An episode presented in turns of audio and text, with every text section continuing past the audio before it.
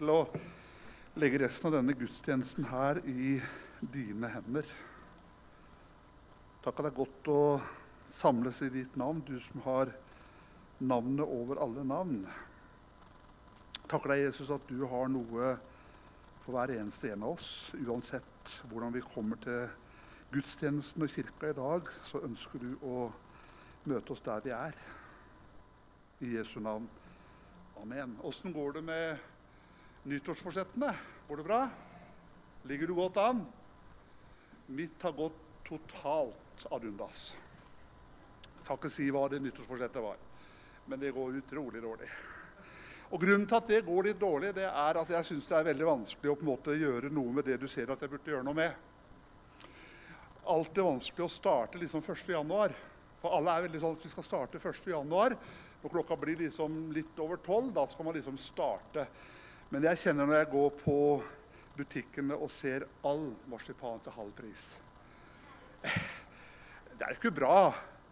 Det er et eller annet der som de på en måte, Og så, plasserer de så veldig sånn strategisk, så det er jo umulig å ikke klare å, å, ta noe derifra når det er så billig. Ja, Men det er sikkert bare meg som har det sånn. For å si det sånn, Jeg vet at dere her på Borhaug og Lisalandet er lik meg på det. Jeg kan ikke si hvorfor. Ja, i disse dagene her, hva gjør vi? Jo, da ønsker vi hverandre godt nytt år. og noen av oss vi hører det såpass mye og vi sier det såpass mange ganger at vi ikke engang på en måte tenker på hva som kan gjøre det nye året til nettopp et godt nytt år. Så jeg har også på en måte reflektert litt de siste dagene på hva på en måte er et godt nytt år. Eller hva innebærer et godt nytt år? Hva innebærer et godt nytt år for meg, for min familie, for de jeg har rundt meg? Hva innebærer et godt nytt år for kirka vår, for menneskene rundt oss? For årsskiftet det innebærer både at vi ser bakover, og så ser vi fremover. Det er nå det på en måte er regnskap, det er nå det på en måte er budsjetter. Det er erfaringer, det er forventninger. For årsregnskap det handler selvfølgelig ikke bare om penger. Men alle vi alle mennesker kan også ha nytte av å ha et livsregnskap. Livsregnskap over barndom og ungdomstid. Livsregnskap over voksentliv, familie, arbeid og fritid. For det fine ved å føre regnskap, det er at på et eller annet tidspunkt så må vi få det avslutta.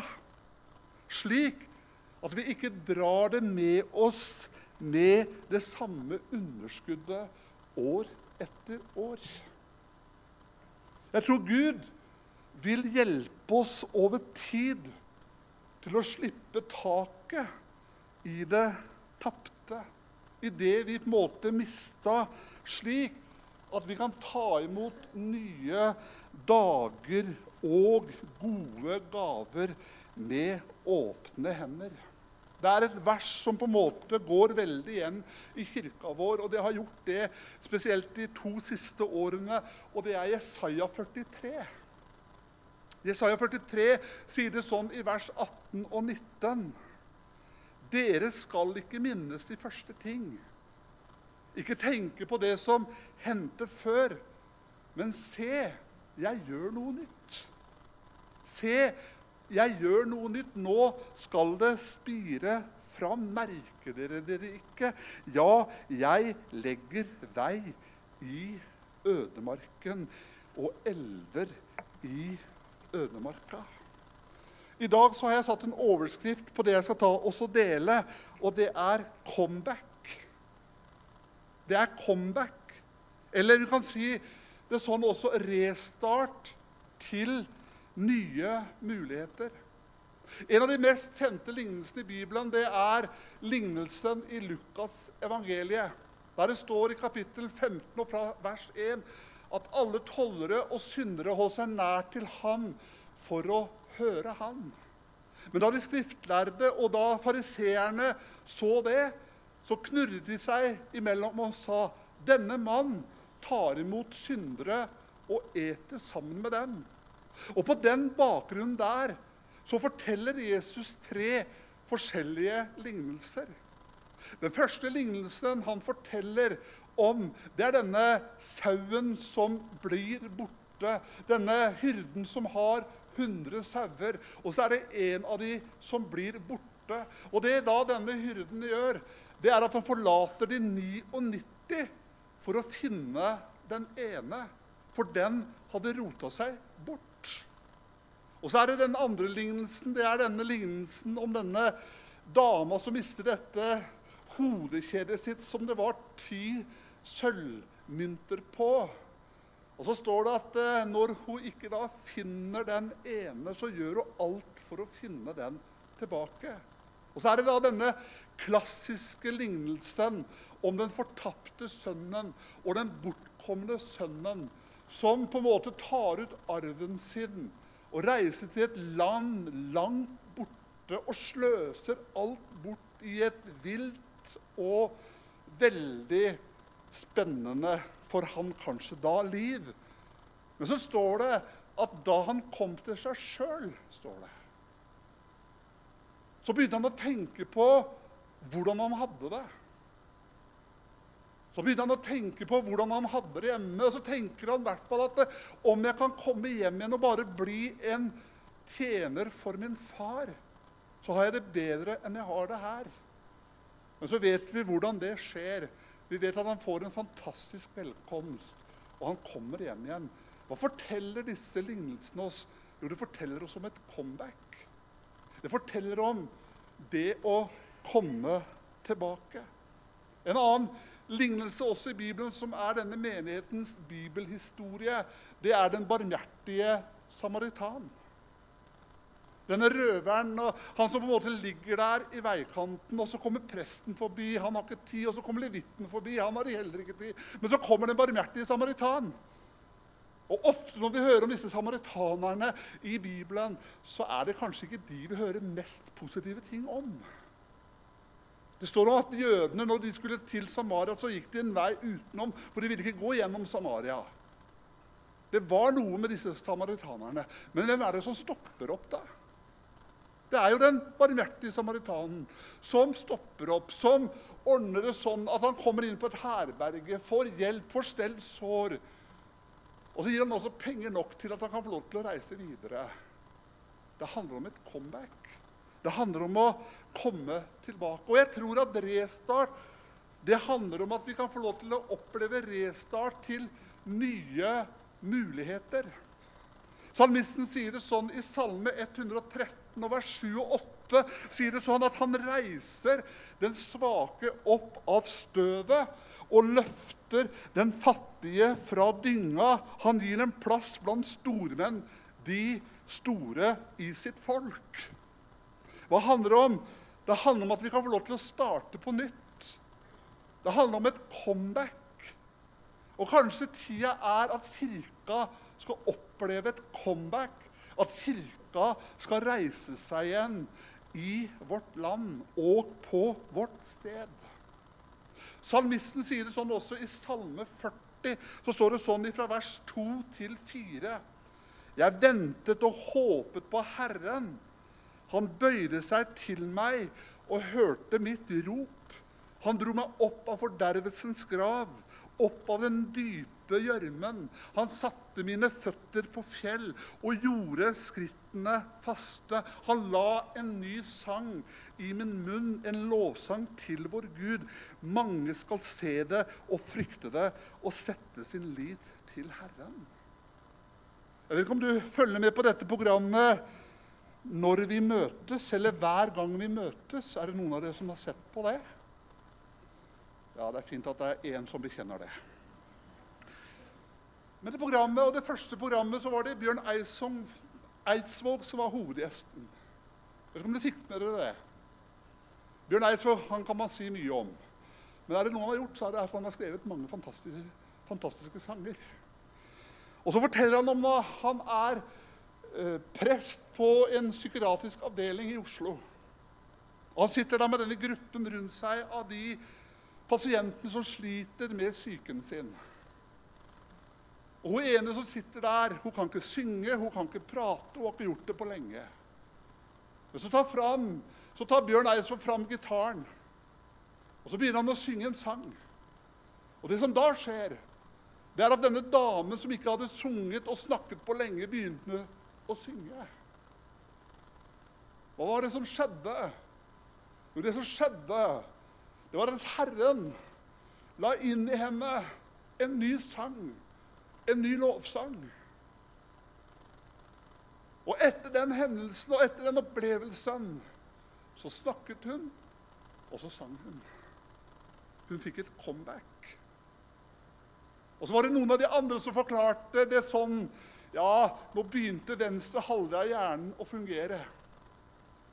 OK, kan du ikke heller snakke og gi det et rett navn som heter et mirakel? For nettopp det det var. Og kanskje at Jesus vil gi deg og meg også en ny sang i vår munn. En ny lovsang, en ny begeistring. Og at vi kan kjenne på denne gleden i Herren, og at gleden i Herren er vår styrke.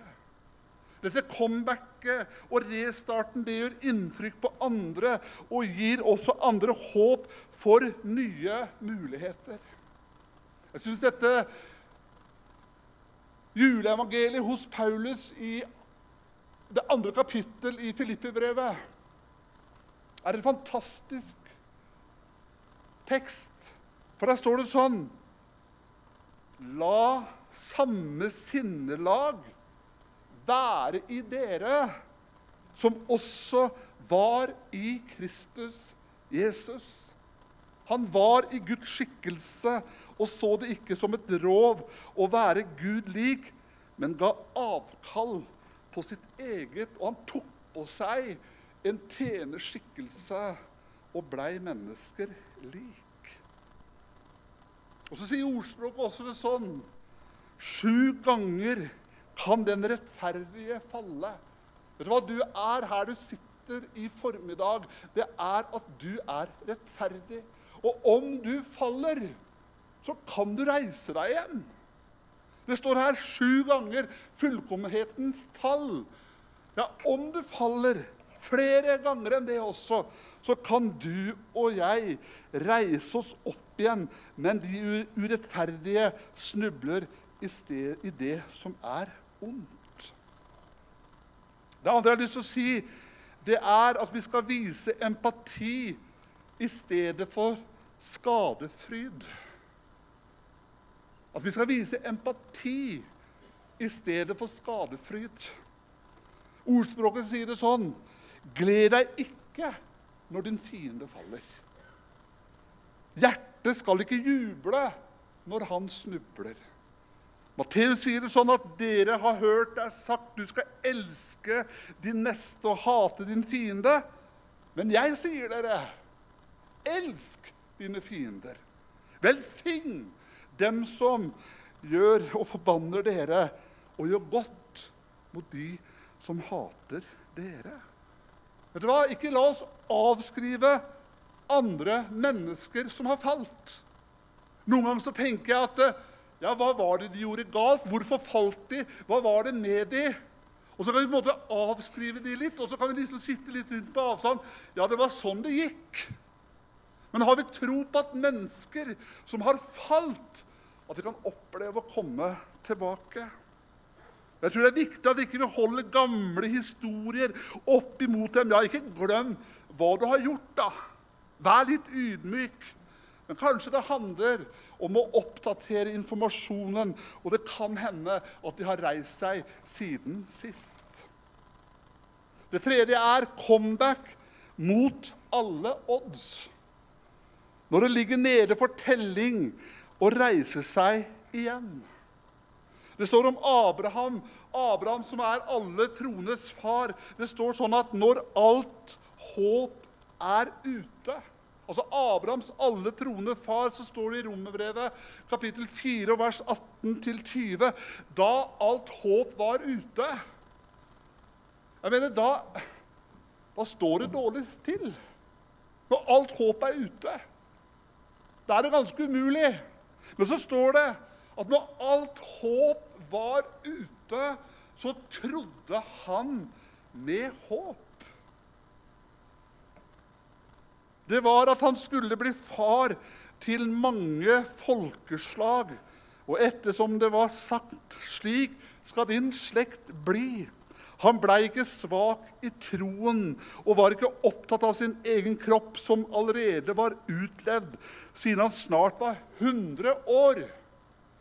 Og heller ikke var han opptatt av Saras døde mors liv. Han tvilte ikke i vantro på Guds løfte, men han ble styrket i troen i det han ga Gud ære. Abraham, 100 år, skal bli pappa. Jeg takker Gud for at jeg ikke skal få flere barn.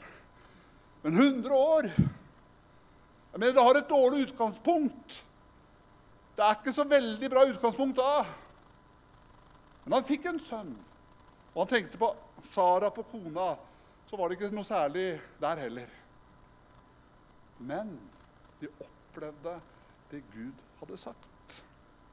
Vet du hva? Nåde det gis til gjenopprettelse for den ydmyke. Og det står at den ydmyke får nåde.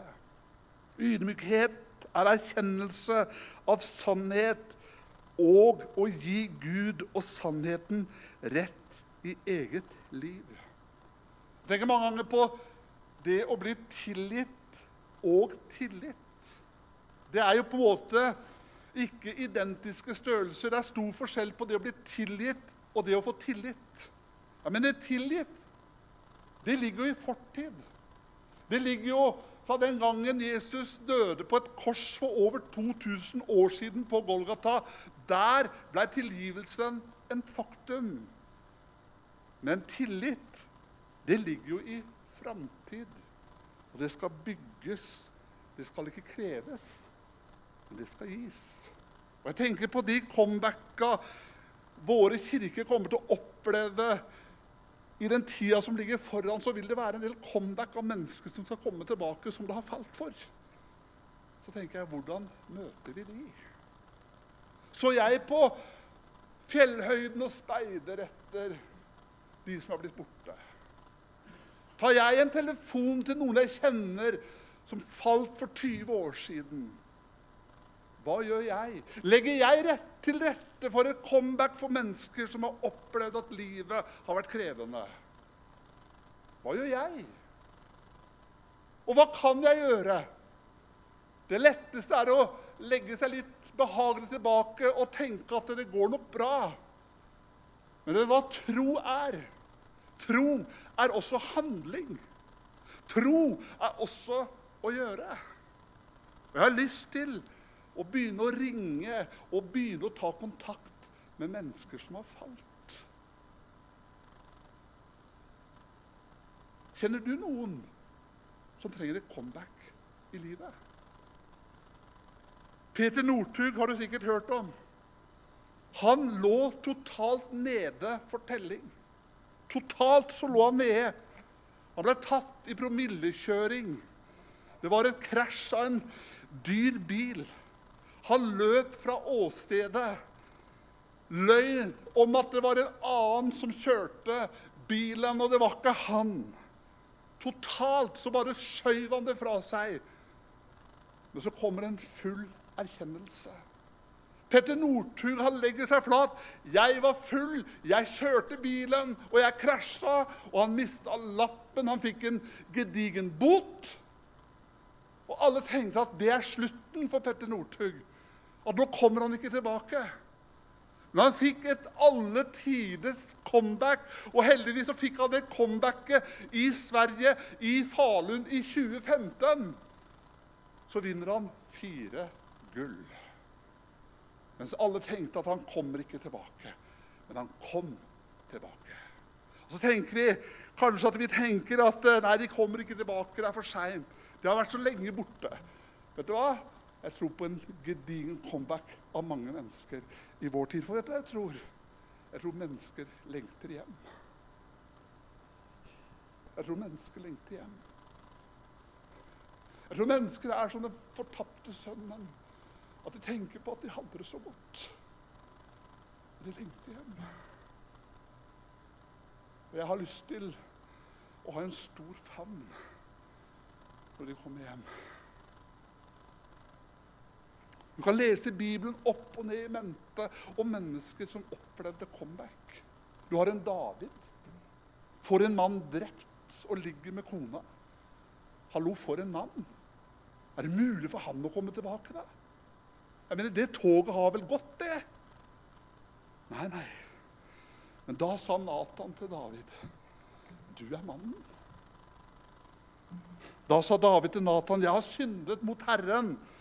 Men Nathan svarte, 'Så har også Herren tatt bort din synd. Du skal ikke dø.' Apostlenes gjerninger så står det at Gud avsatte Saul og oppreiste David og ga David et comeback til konge over dem. Og han fikk dette vitnesbyrdet av Gud. Jeg har funnet David, Isais sønn. Og så sier han det vi ofte siterer når vi tenker på David, at David er en mann etter Guds hjerte. Selvfølgelig er vi åpne for comeback. Jeg tenker noen ganger at jeg skal ta comeback i idretten. Ja, da smilte du. Comeback som svømmer, comeback som håndballspiller. Nei, det toget har nok gått. Jeg har blitt spurt noen ganger, da, men sier nei. Jeg tenker på Dette her med restart Noe som også er veldig viktig med det, det er at det er også investering i neste generasjon. De liva vi lever som kristne, de har en investering for de som kommer etter oss. Og det står i 2. Timoteus 5 eller 2. Timoteus 1 og fra vers 5 så står det sånn at jeg husker din oppriktige tro som først bodde i din mormor Louis og i din mor Evnike. Men jeg er også overbevist om at den også bor i deg. Derfor vil jeg minne deg på dette. La Guds nådegave i deg flamme opp på nytt den du fikk da jeg la hendene på deg. For Gud ga oss ikke en ånd som gjør motløs. Vi fikk ånden som gir kraft, kjærlighet og sindighet. Så står det at han skal vende fedrenes hjerte til barna og barnas hjerte til fedrene, så jeg ikke skal komme og slå landet i bann. Altså restart for investering i våre etterkommere. At våre comeback det velsigner neste generasjon. Vet du hva barn og unge trenger? De trenger mødre og fedre som med hjerter og varme hjerter deler liv. Så ikke tenk at du ikke er nødvendig. Men akkurat du er viktig for at denne kirka skal vokse. Som en mor og som en far. Våre comeback, det handler om mer enn oss sjøl. Her snakker det om forny. Timoteus, forny og tenn på ny den nådegaven som jeg la i deg.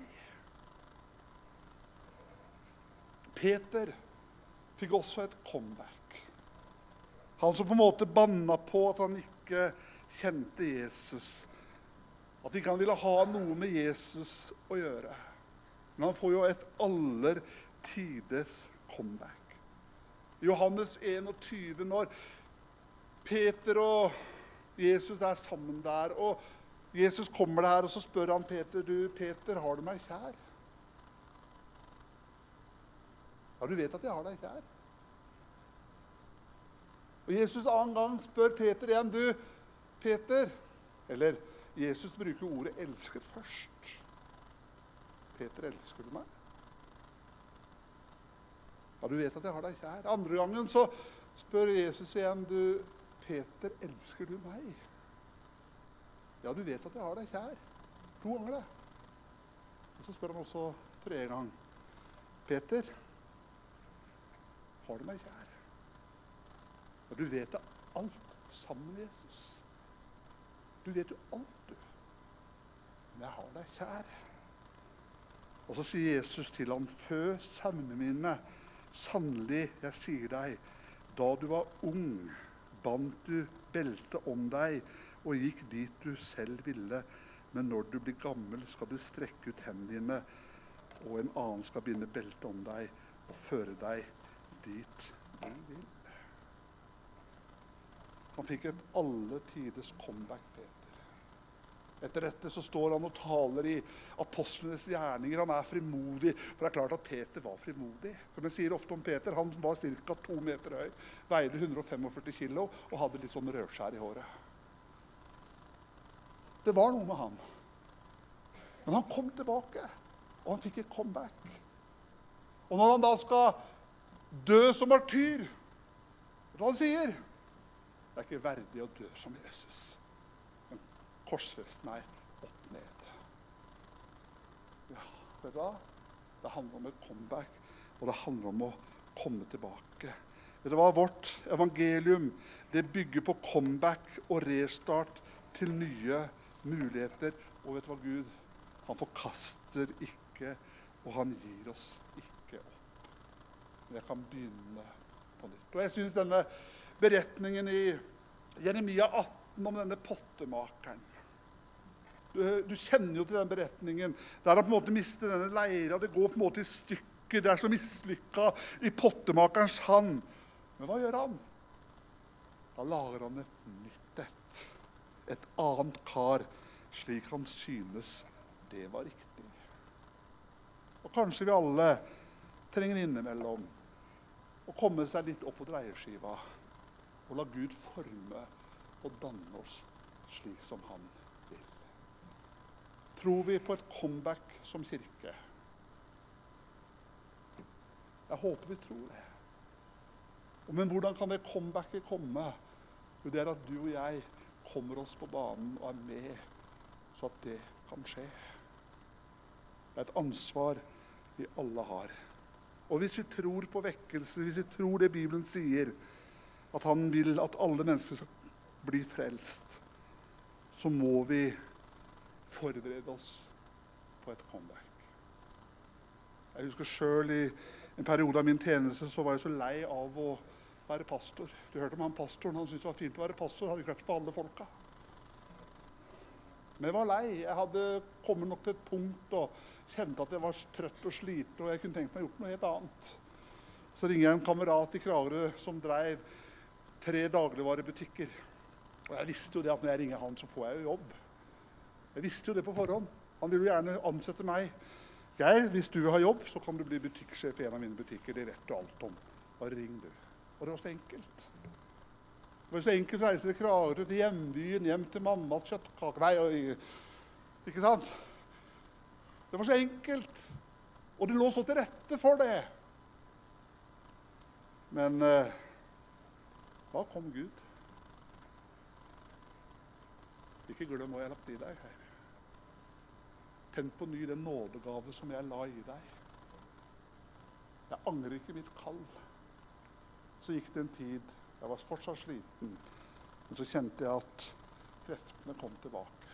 For meg så var det et litt comeback. Det var på en måte å starte litt på nytt med ny giv. Og kanskje du er her i formiddag og opplever det. Trenger på en måte ny giv. Jeg trenger et annet gir. Jeg trenger litt bensin på bålet. Vet du hva? Gud ønsker å møte oss. Han møter oss ikke der vi burde ha vært eller har vært, men han møter oss der vi er i den situasjonen vi befinner oss i. Han lovsangerne kommer. Kjære Jesus, takk at du er her. Takk at du kan få lov til å komme fram for deg med frimodighet. Og så ber jeg Jesus akkurat nå for oss som er her i Misjonskirka i formiddag. Kanskje det er mennesker her i kveld som i formiddag som trenger et comeback. Kanskje det er mennesker her i formiddag som trenger å tenne på ny den nådegave du har lagt i dem. Kanskje det er mennesker her i formiddag som trenger at du har ikke gitt en ånd som gjør motløs. Du har gitt en ånd som gir oss kraft, kjærlighet og sindighet. Jeg skal være litt frimodig, og jeg pleier ikke å være så frimodig som jeg er nå. Men hvis du er her i formiddag, og du kjenner akkurat nå at vet du hva? Jeg trenger et comeback. Jeg trenger at Gud rører ved meg. Så kan du enkelt nå bare reise deg på den plassen. Vi andre vi kan holde våre øyne lukt, så dette her bør ingen se. Men du kan nå få lov til å reise deg der du står. Du som trenger at nådegaven skal begynne å fungere igjen. Du som trenger en ny brann og en ny glød. Så kan du få lov til å reise deg akkurat nå. Skal jeg be en kort bønn over ditt liv.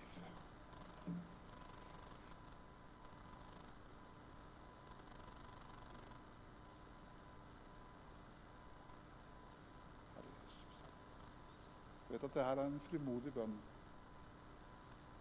Ja.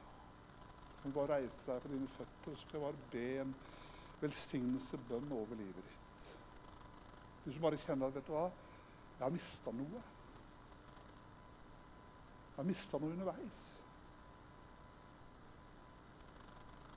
Herre Jesus, jeg takker deg at du er her akkurat nå. Jeg takker deg at du ser de som har reist seg, Jesus.